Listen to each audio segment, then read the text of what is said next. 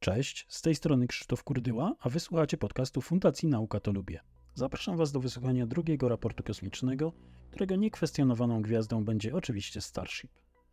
Właśnie obejrzeliśmy jego drugi lot, a ja postaram się Wam pokazać, dlaczego to tak duży sukces. To jednak nie wszystko. Po omówieniu widowiska, któremu uraczyło nas SpaceX, opowiem Wam też o kilku innych ciekawych wydarzeniach, które miały miejsce w przeciągu ostatnich tygodni. No to zaczynamy.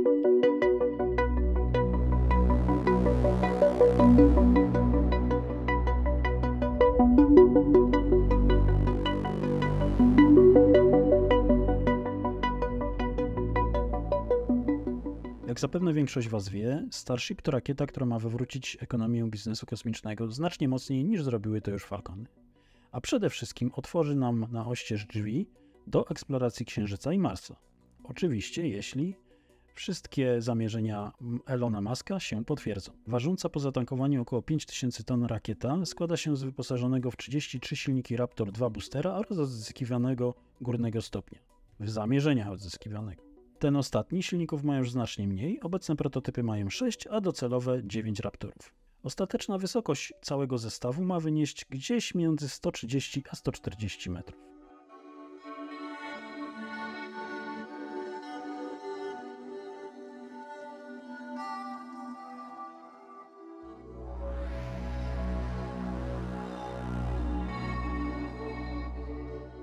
Integrated Flight Test 2, którego świadkami byliśmy 18 listopada, był jeszcze przed startem jednym z najgłośniejszych wydarzeń kosmicznych tego roku. A to ze względu na urzędniczo-administracyjną awanturę, jaka się wokół niego toczyła. W skrócie, SpaceX chciało lecieć już w sierpniu, amerykańska agencja lotnictwa nie była w stanie wydać im licencji startowej.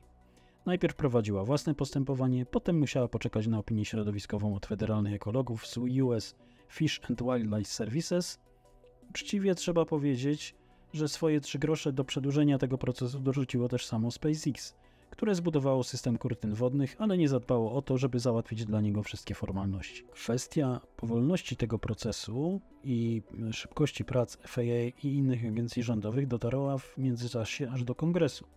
Tam SpaceX poparły też inne firmy kosmiczne, argumentując, że ani procedury, ani stan zatrudnienia w jednostkach mających wpływ na wydawanie licencji startowych nie są adekwatne do czasów New Space. W przypadku IFT-2 papierologię udało się zamknąć ostatecznie dopiero w środku listopada. Od strony technologicznej lot sprzed paru dni był próbą naprawy wszystkiego tego, co nie wypaliło w kwietniu.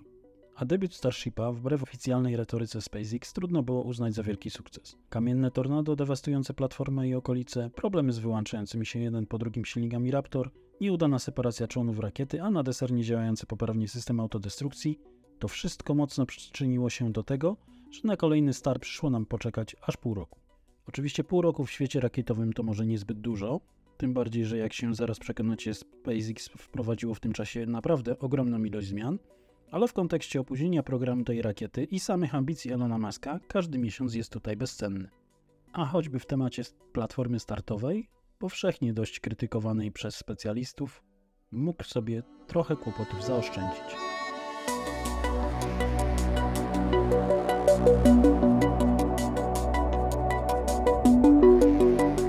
Przejdźmy teraz do wspomnianych już zmian.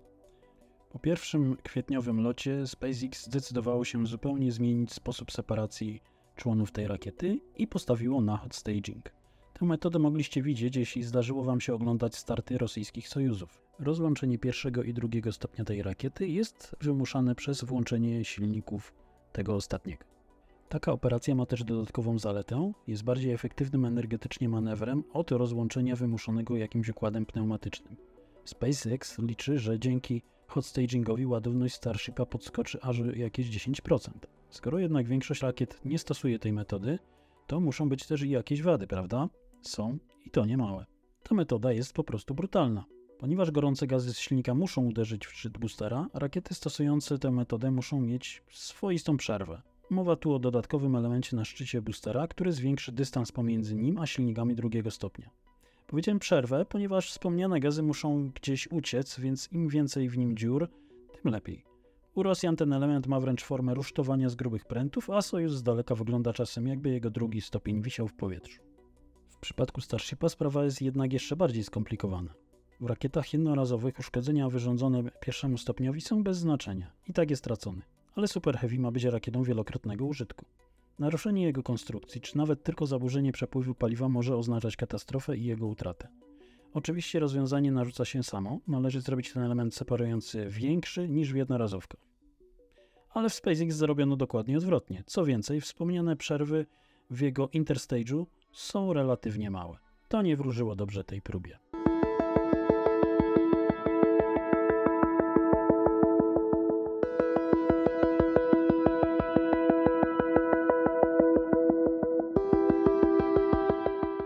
Zanim jednak opowiem, jak zakończył się ten manewr, wróćmy do reszty zmian. Platformę startową SpaceX wyposażyło w potężne kurtyny wodne, które miały zapobiec kamiennemu tornado.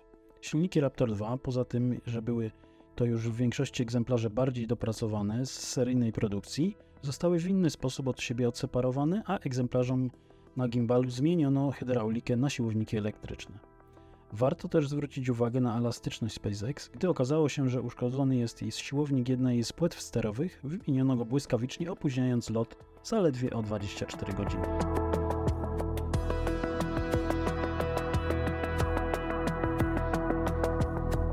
Muszę przyznać, że do próby IFT-2 nie byłem optymistycznie nastawiony. Szczególną obawę budziła we mnie wspomniana kurtyna wodna. Spodziewałem się powtórki z Tornada, może trochę słabszego, ale jednak zmuszającego SpaceX do czasochłonnej przebudowy padu. Mojego zaufania nie budził także niewielki interstage potrzebny do odstagingu. Spodziewałem się, że Super Heavy zostanie zniszczony raczej gdzieś w początkowej fazie tego manewru. W jaśniejszych barwach widziałem za to sprawę Raptorów. Mimo, że dotychczas w żadnej próbie odpalenia całego klastra tych silników nie zdarzyło się, żeby zadziałały wszystkie 33 jednostki, miałem cichą nadzieję na zdecydowany postęp. Nie żebym postawił wszystkie pieniądze na to, że wszystkie Raptory będą pracować w tej próbie bezbłędnie, ale na awarię nie więcej niż dwóch, trzech sztuk, taki zakład bym już rozważył. Ci z Was, którzy oglądali start Starshipa, z pewnością domyślili się, że właściwie na każdym etapie testu IFT-2 był on dla mnie pozytywnym zaskoczeniem. Tornada nie odnotowano, betonowa podstawa i platforma przetrwały start w dobrym stanie. Infrastruktura Starbase doznała co prawda pewnych uszkodzeń, ale generalnie obecne stanowisko może być używane bez problemu do kolejnych testów. O przebudowie będzie można myśleć, gdy Starship zacznie stawać się rakietą operacyjną. Lot Super Heavy był wręcz idealny. Nie zgasł żaden Raptor, a widok 33 pracujących silników zapierał wręcz dech piersiach. Mogę zaryzykować stwierdzenie, że jeśli w IFT-3 będzie podobnie, to Super Heavy będzie można uznać za prawie gotowy do latania. Oczywiście pozostaje jeszcze kwestia separacji lądowania i tutaj wracamy do hot stagingu.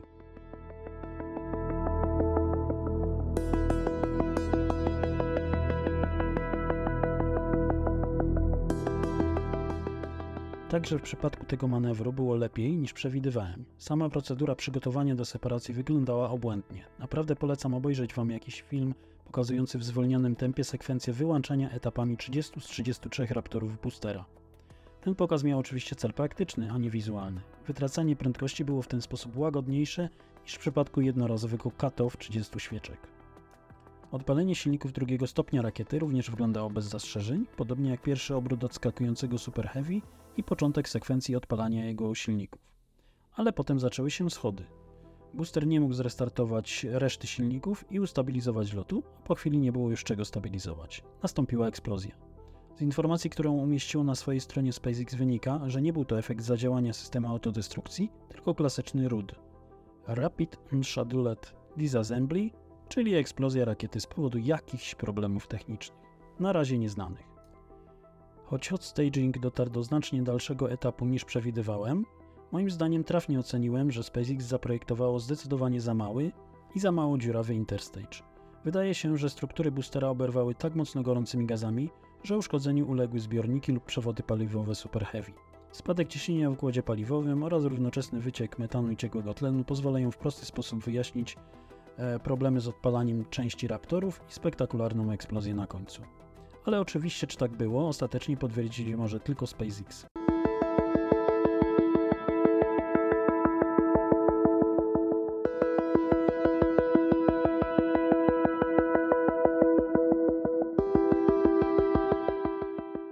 Bolesną konsekwencją tego wydarzenia było to, że straciliśmy szansę na obejrzenie lądowania, a właściwie kontrolowanego wodowania boostera na powierzchni Zatoki Meksykańskiej.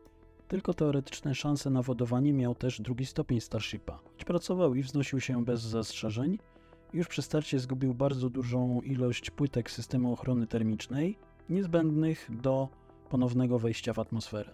Tutaj SpaceX czeka jeszcze dużo, dużo pracy.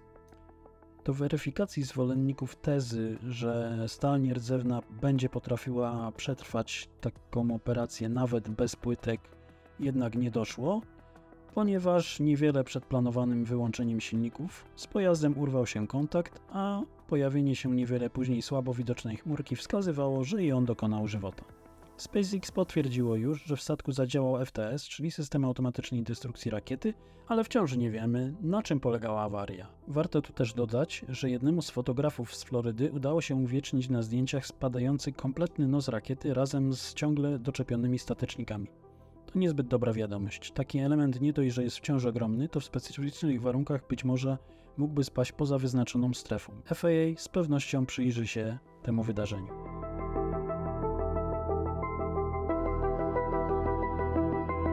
Podsumowując temat separacji na gorąco, trzeba jasno powiedzieć, że był to ogromny sukces SpaceX.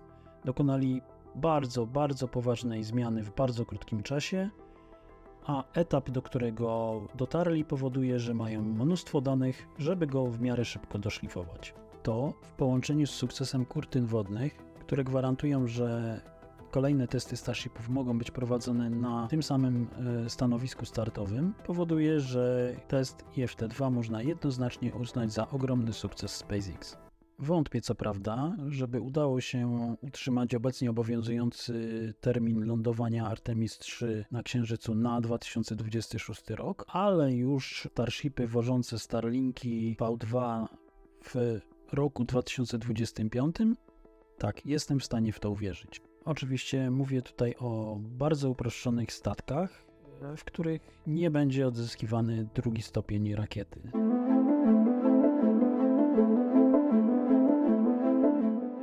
No dobrze, zostawmy już Starshipa kreatywnej ekipie od SpaceX, a my zajmijmy się problemami na orbicie. A skoro o problemach mowa, to znaczy, że będę mówił teraz o Rosji. Od rozbicia Uny 25 o Księżyc minęły dwa miesiące, a tu znów jakoś ich sprzętu dała znać o sobie. Co tym razem się wydarzyło? A no, znowu mamy wyciek na Międzynarodowej Stacji Kosmicznej. Tylko tym razem niestety ta przykrość spotkała nie dokujący tam statek, a jeden z zamontowanych na stałe rosyjskich modułów. Konkretnie chodzi o zasługujący już chyba na miano kosmicznego Enfant Terrible moduł Nauka. To ten sam, który przy dokowaniu w niekontrolowany sposób odpalił swoje silniki manewrowe i obrócił całą stacją. Szczęście w nieszczęściu uszkodzeniu uległ tylko dodatkowy zewnętrzny układ chłodzenia, zamontowany w nauce dodatkowo w maju tego roku. Bez niego kosmiczne laboratorium Roskosmosu wciąż może działać będzie jedynie możliwe prowadzenie części bardziej wymagających energetycznie i w efekcie termicznie eksperymentów. Na marginesie dodam, że uszkodzony zespół radiatorów czekał na to, żeby go gdzieś zamontować przez ponad dekadę. Na stację dostarczono go jeszcze w 2012 roku, wiele lat przed modułem nauka, a jak już się doczekał, to się zepsuł. Problemem pozostawało to, że oryginalny i dodatkowy układ chłodzenia zostały ze sobą połączone. Potrzebny był więc spacer, żeby je od siebie odizolować. W trakcie tej operacji okazało się, że spory bąbel toksycznego chłodziwa pozostał na elementach radiatora.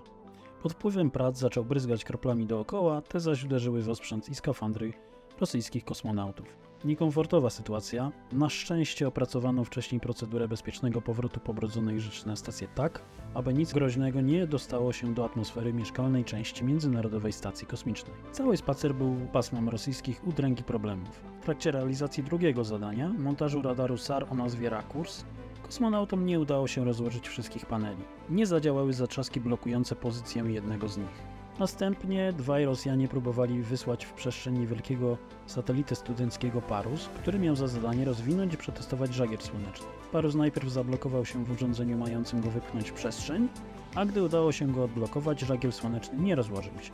Cóż, jak nie idzie, to nie idzie. Standardowo w takich sytuacjach pojawiają się pytania, co dalej ze starzejącą się ISS i współpracą na niej z Roskosmosem. Jaki jeszcze numer wywinie rosyjski i poradziecki sprzęt? Niestety, na dziś nie widać, żeby trwały jakieś choćby koncepcyjne prace nad uniezależnieniem się w przyszłości amerykańskiego segmentu. Jego moduły wydają się być wciąż w dobrym stanie i moim zdaniem warto byłoby powalczyć o ich pozostawienie na orbicie dłużej. Problem w tym, że byłaby to długa, kosztowna i trudna operacja, a z dotkniętego cięciami budżetowymi NASA zaczęły dobiegać głosy mówiące, że jeśli komercyjne stacje nie powstaną przed końcem ISS, to agencja będzie musiała się z tym pogodzić. NASA zakłada, że w takiej sytuacji e, projekty naukowe byłyby realizowane w misjach statków Crew Dragon i uwaga, Starliner. Problem w tym, że to ogromne ograniczenie możliwości badawczych. Te statki bez zadokowania do stacji mogą przebywać w kosmosie co najwyżej kilka, kilkanaście dni. Cóż, Chińczycy by się bardzo ucieszyli.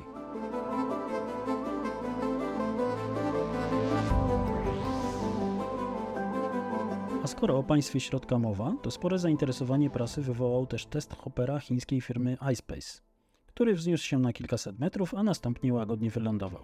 Z pewnością jest to duże osiągnięcie dla tej firmy, ale głosy mówiące o tym w kontekście chińskiego przełomu i pojawienia się już zaraz chińskiego odpowiednika Falcona 9 trochę bym jednak stonował. Droga od Hoppera do pełnego lądowania z orbity może być jeszcze bardzo, bardzo daleka. Popatrzmy na SpaceX.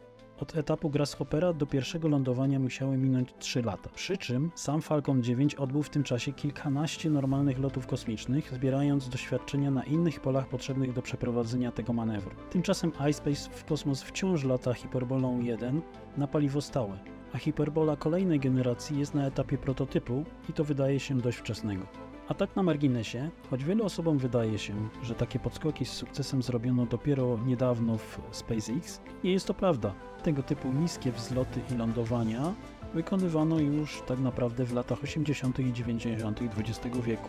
Lądowanie z orbity to znacznie poważniejsze wyzwanie.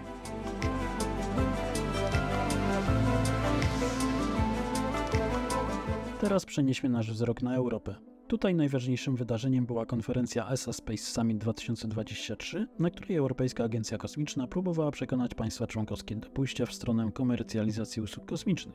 Oczywiście tak, żeby nie nadepnąć na stopy rakietom Ariane 6 i Vega C. Ostatecznie obie te problematyczne konstrukcje dostały ogromne finansowanie, odpowiednio 342 i 21 milionów euro rocznie, które jednak będzie realizowane tylko ze składek krajów je budujących Francji, Włoch i Niemiec. Moim zdaniem to projekty do skasowania, no ale cóż, polityka. W tym miejscu warto odnotować, że w temacie startu rakiet rodziny Vega doszło do francusko-włoskiego rozwodu. Dotychczas Avio budowało te rakiety, ale operatorem było Arianespace. Teraz włoski producent będzie odpowiadać również za loty swoich rakiet. Pytanie pozostaje, co z startami dotychczas już zakontraktowanymi. Ponoć trwają w tej sprawie negocjacje. Kolei w temacie wspomnianej komercjalizacji, czyli stworzeniu programów wzorowanych na amerykańskim COTS, ogłoszono szczegóły pierwszego z nich. Sama w jego ramach współfinansować budowę towarowych statków kosmicznych, co ważne, mających mieć też możliwość zwożenia materiałów z orbity na Ziemię. Do pierwszego etapu zostaną zakwalifikowane dwie lub trzy firmy, które dostaną do podziału 75 milionów euro.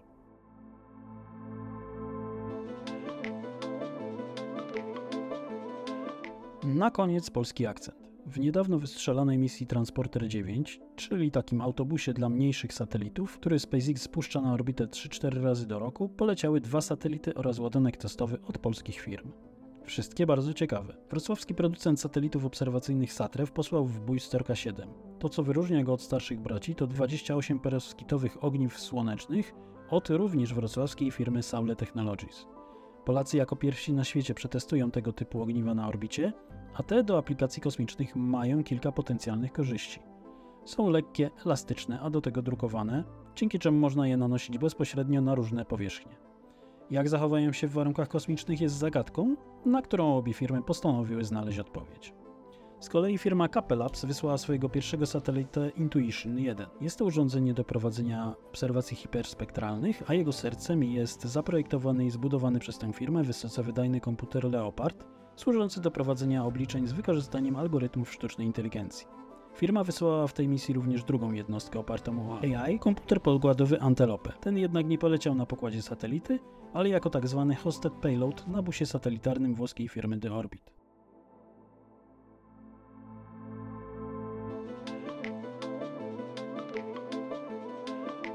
Korzystając z okazji, wyjaśnię może, czym są w ogóle misje transporter i dlaczego są tak ważne dla świata New Space. Mimo, że Falcon 9 drastycznie obniżył koszty wynoszenia na orbitę, w przypadku małych satelitów, gdyby ktoś chciał kupić dedykowaną misję, cena i tak byłaby niebotyczna. Stąd pojawił się pomysł na misję typu rideshare, gdzie w ładowni pakowałoby się dużą ilość małych satelitów. Dopiero to w połączeniu z ceną Falcona spowodowało przełom. Tak nawiasem mówiąc, SpaceX nie rozdrabnia się na obsługę każdego takiego malucha, tylko sprzedaje minimum 50-kilogramowe sloty. To otworzyło kolejny rynek, pojawiły się pojazdy OTV, Orbital Transfer Vehicle, czyli coś, co można nazwać busem lub holownikiem satelitarnym. Dopiero one zabierają na pokład te najmniejsze satelity. Twórcy OTV pobierają oczywiście za kilogram więcej niż SpaceX, zarabiając na różnicy w cenie. Ceny nie są więc aż tak niskie jak dla większych urządzeń, ale wciąż znacznie niższe niż nawet najtańszy lot dedykowany. Oprócz wynoszenia satelitów, busy tego typu oferują wspomniane już usługi Hosted Payload. Operator pozwala zamieścić i zintegrować ze swoim busem różnego rodzaju urządzenia, czy to do testowania, czy do prowadzenia różnego typu eksperymentów. Pojazdy tego typu są jednym z najdynamiczniej rozwijających się działów biznesu New Space, a warto dodać, że wśród firmie budujących jest też polska firma Liftero. Ich bus wciąż jest na etapie prototypu, a swój debiut ma zaliczyć w 2025 roku.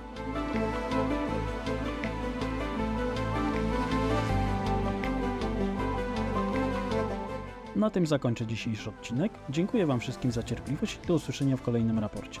A zanim ten się pojawi w sieci, polecam śledzić tak kosmiczne, jak i niekosmiczne filmy i audycje Nauka to lubię. Znajdziecie je na YouTubie, w największych serwisach podcastowych oraz na naszej stronie internetowej. Wszystkim fanom Tomasza Rożka i Radia 357 przypominam też, że w sklepie internetowym Fundacji możecie kupić jego najnowszą książkę, bazującą na pytaniach zadawanych w audycji radiowej Pytania z Księżyca. To na tyle dzisiaj. Cześć!